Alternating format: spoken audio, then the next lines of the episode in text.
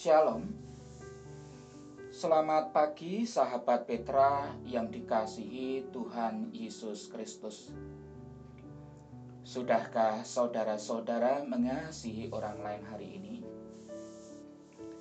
Di saat pagi yang cerah dan indah ini, kita harus bersyukur kepada Tuhan.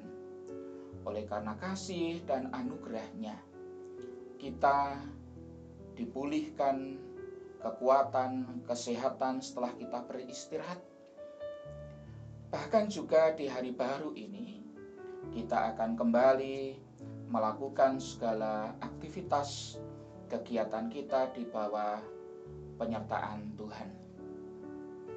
Sahabat Petra, pada edisi Embun Pagi hari ini, Rabu 10 November 2021 kita bersama membuka dan memulai hari ini dengan mendengar dan merenungkan sabda Tuhan.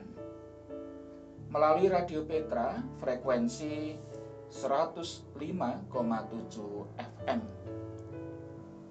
Bersama dengan saya, Pendeta Agung Putiarta dari Gereja Kristen Jawa Kebun Agung Minggir Sleman, Yogyakarta. Sahabat Petra yang dikasih Tuhan Yesus Kristus, tema renungan embun pagi saat ini identitas ganda Allah. Didasarkan dari kitab Perjanjian Lama Yesaya 40 ayat yang ke-28. Sebelum kita mendengar dan merenungkan sabda Tuhan, Mari kita bersama berdoa. Bapa kami yang Maha Kudus, dengan selalu beriman kami mengucap syukur karena Engkau selalu memberkati kami, bahkan juga menganugerahkan karya keselamatan yang Engkau berikan di dalam Yesus Kristus. Terima kasih ya Bapak, karena Bapak sudah memberikan waktu bagi kami untuk tidur dengan baik, dengan nyenyak. Udara pagi yang sejuk dan suasana damai.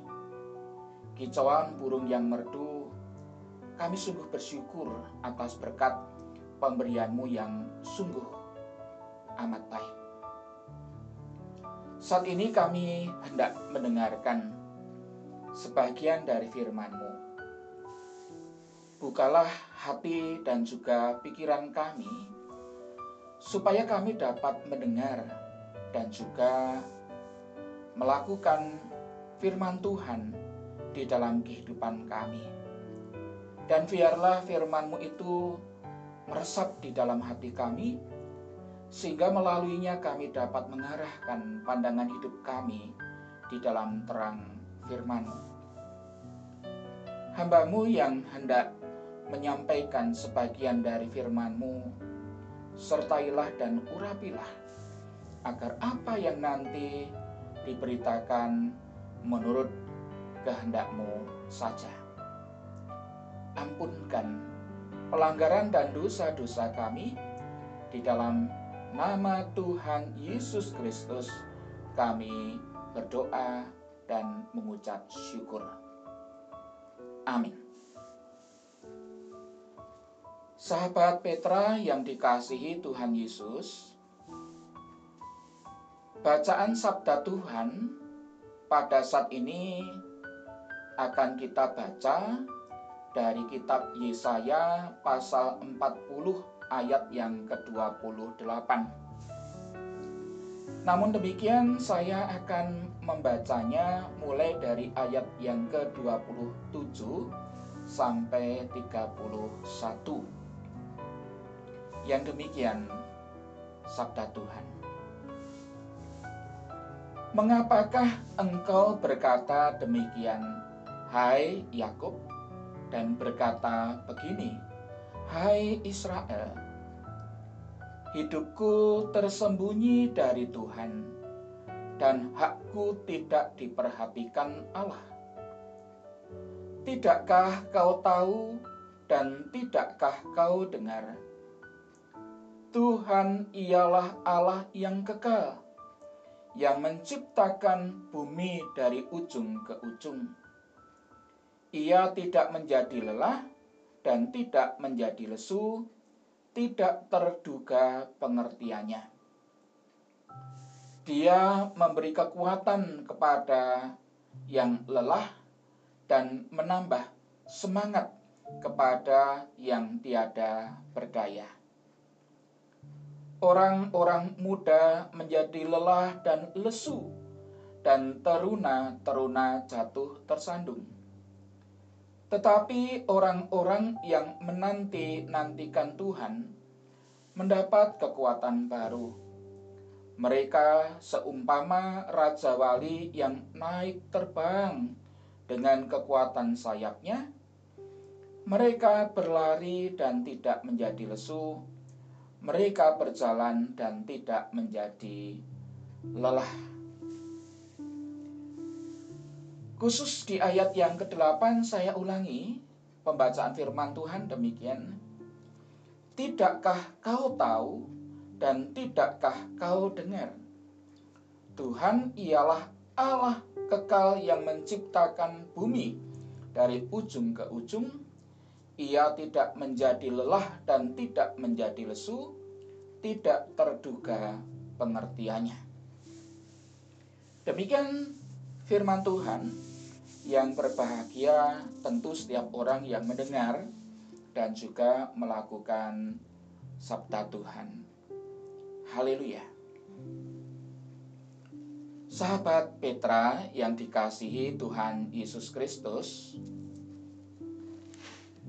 Bacaan firman Tuhan saat ini jika kita membaca secara utuh artinya satu perikop di bawah judul keselamatan untuk bangsa di dalam masa pembuangan. Menghadapi keluhan dan juga ratapan dari bangsa Israel, jawaban Allah melalui Yesaya kedua nyata sangat istimewa.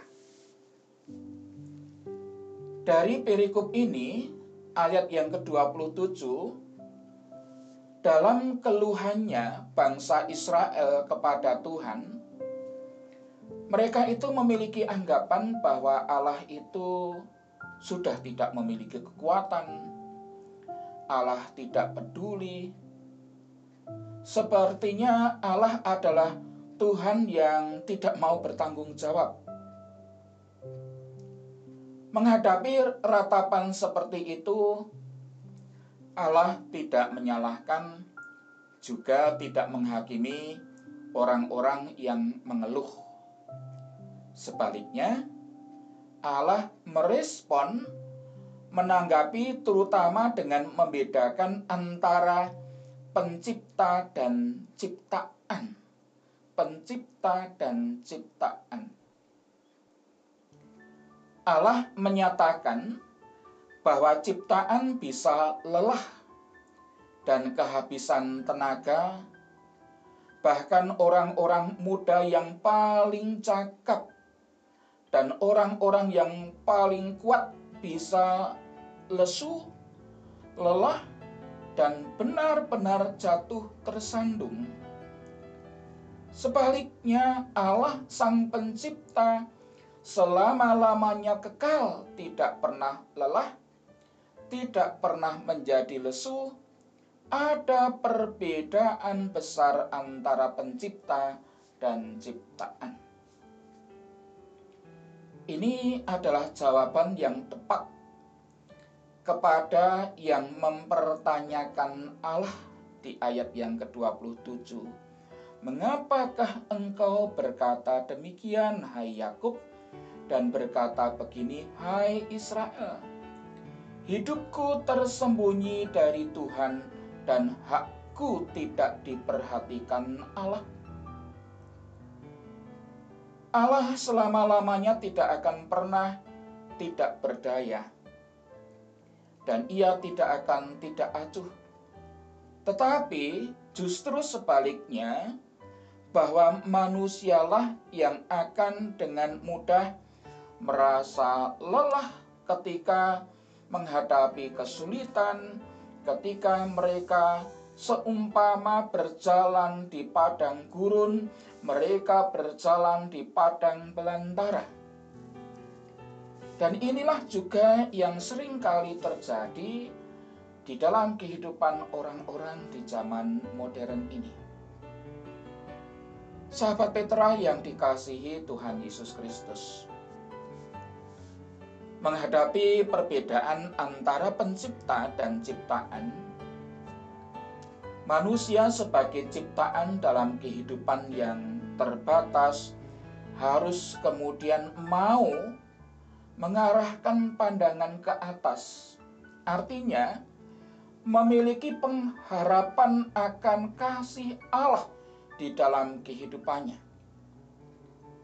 Maka dikatakan di dalam firman Tuhan ini dengan kata-kata menanti-nantikan di ayat yang ke-31. Arti aslinya adalah menengadah menatap ke atas mau berharap kepada Allah ini didasarkan pada peran Allah sebagai pemberi. Ia adalah Allah pemberi kekuatan. Hanya ketika seseorang dapat mengakui bahwa dirinya itu bukan Tuhan dan memiliki kemampuan yang serba terbatas di dalam hidupnya, seseorang itu akan dimampukan untuk memandang ke atas, menanti-nantikan, dan kemudian mengandalkan pertolongan kekuatan dari Allah. Serta dengan demikian mengakui perbedaan paling mendasar antara Sang Pencipta dan ciptaan. Sahabat Petra yang dikasihi Tuhan Yesus Kristus, namun, memandang ke atas menanti-nantikan tidak memberikan jawaban bagi kedua pertanyaan dengan istilah mengapa yang mereka ajukan di ayat yang ke-27. Allah tidak menjawab pertanyaan mengapa ia tersembunyi dari Israel. Ia tidak menjawab pertanyaan mereka atas hak mereka. Hal ini menunjukkan bahwa umat Allah itu tidak perlu mengurusi mengapa ini, mengapa itu. Dan hanya murni dengan mau memandang ke atas, menanti-nantikan tetap bisa mendapatkan kekuatan seperti dikatakan di dalam firman Tuhan ini seperti Raja Wali yang mengembangkan sayapnya. Sahabat Petra yang dikasihi Tuhan Yesus Kristus, apa sebenarnya Raja Wali mengembangkan sayapnya? Salah satu penjelasan yang sering kita terima adalah bahwa dalam bahasa aslinya membawa makna Raja Wali itu akan tumbuh bulu-bulu baru. Menunjukkan bahwa setiap sekitar 10 tahun Raja Wali perlu kemudian mencabut bulu-bulu lamanya lalu kemudian dia akan bersembunyi atau menyembunyikan diri di sebuah tempat biarkan bulu-bulu yang baru tumbuh keluar Burung Raja Wali itu juga di usia sekitar 50 tahun dia akan kemudian mematuk-matukkan paruhnya di bebatuan supaya paruhnya itu terlepas. Karena ketika burung Raja Wali itu usianya semakin tua, paruhnya itu akan semakin runcing dan kemudian dia tidak akan bisa mematuk atau kemudian menangkap lawan. Apa yang dilakukan oleh burung Raja Wali ketika berusia 50 tahun, dia akan kemudian melepaskan paruhnya sehingga paruhnya itu akan tumbuh paruh yang baru. Dengan demikian, dia itu bisa menangkap mangsa untuk kemudian dimakannya. Kalau kita belajar dari burung raja wali, ini seperti metafora yang mau memberikan gambaran kepada kita hal menanti dan di dalam masa penantian itu juga ada kesulitan. Ternyata menunggu Allah itu adalah hidup di tengah-tengah kesusahan seperti burung raja wali mencabut bulu-bulu tua dan kemudian dia akan merusak paruhnya tumbuh baru. Saya ingin mengajak saudara-saudara inilah yang kemudian dalam masa penantian itu membutuhkan waktu. Kondisi ini adalah realitas nyata keadaan umat Israel pada waktu itu yang memang dikatakan sedang dalam masa pembuangan.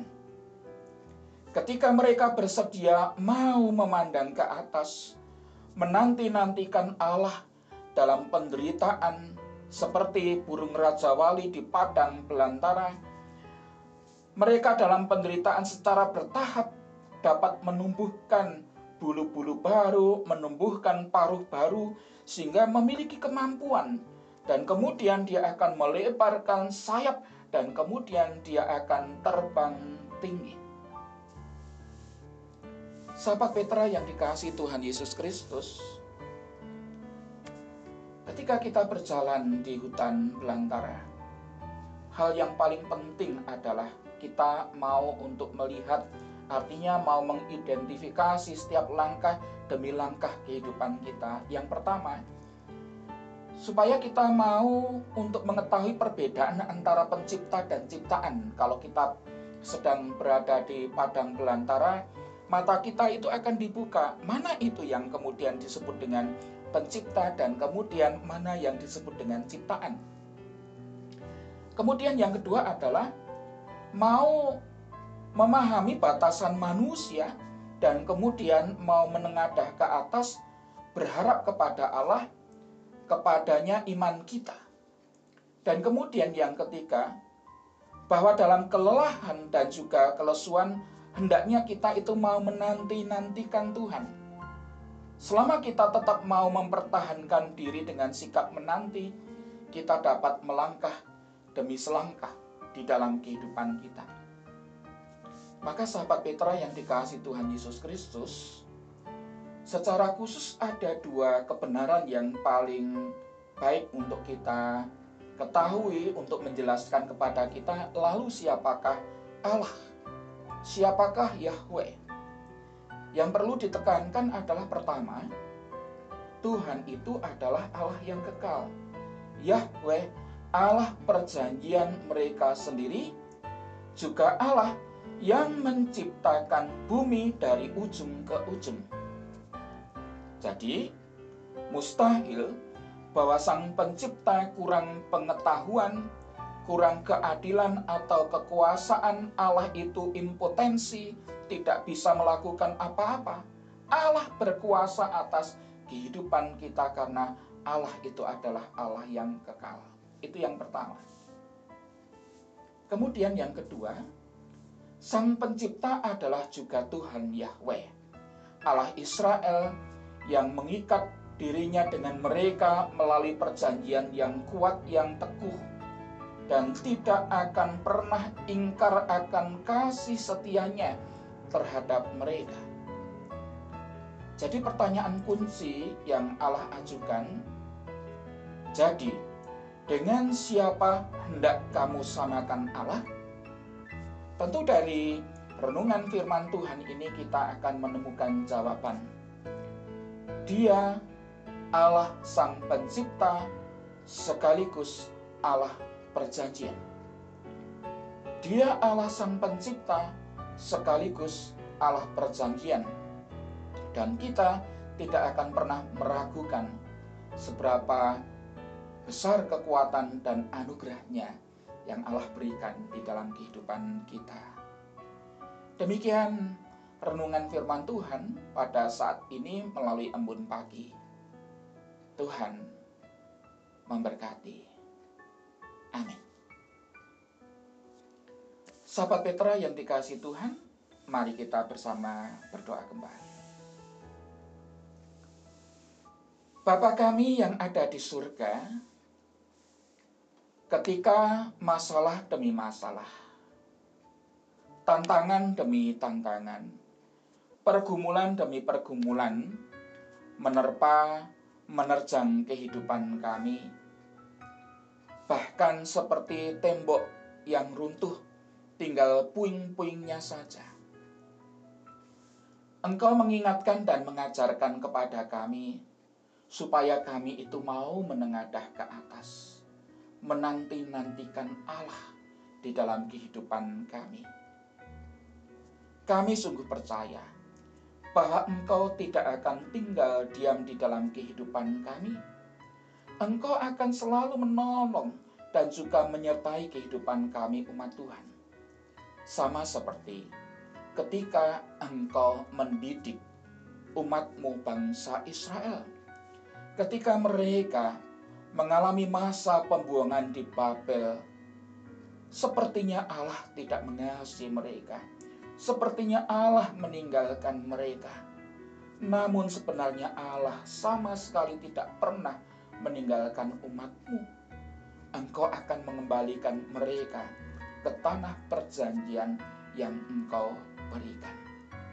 Terima kasih ya Tuhan. Sungguh firman-Mu itu meneguhkan kehidupan kami, terlebih di era modern ini. Ketika kami merasakan pergumulan dan juga beban kehidupan semakin besar. Kami hanya tetap berserah dan memohon pertolongan Tuhan di dalam kehidupan kami dan juga engkau mengingatkan mengajarkan kepada kami supaya kami tetap terus melakukan segala kegiatan aktivitas kami. Dengan demikian engkau akan memberkatinya. Terima kasih ya Tuhan. Berkati untuk para pendengar Petra di mana pun mereka tinggal berada. Kiranya Bapak berkati di dalam setiap aktivitas kegiatan mereka di hari ini. Demikian juga kami doakan untuk Radio Petra yang sudah memfasilitasi kami di setiap waktu untuk mendengarkan embun pagi, demikian juga doa malam, beserta dengan program-program lainnya. Kiranya Bapak berkati, agar kesemuanya itu sungguh sangat menjadikan berkat di dalam kehidupan kami semua. Bila mana di dalam kami mendengarkan sabdamu, tentu ada kekurangan dan dosa. Kiranya Tuhan ampunkan. Hanya di dalam Yesus Kristus kami berdoa dan juga mengucap syukur. Haleluya. Amin. Demikian sahabat Petra yang terkasih dalam Kristus, embun pagi pada hari ini Rabu 10 November 2021 kiranya sabda Tuhan memberikan hikmat kekuatan dan penghiburan bagi kita untuk melewati sepanjang hari ini. Saya Pendeta Agung Putiarta dari Gereja Kristen Jawa Kepon Agung di Minggir Sleman, Yogyakarta. Mohon maaf bila ada kata-kata yang kurang berkenan dan saya mohon diri. Sahabat Petra, selamat mengasihi orang lain hari ini. Tuhan Yesus memberkati saudara-saudara. Amin.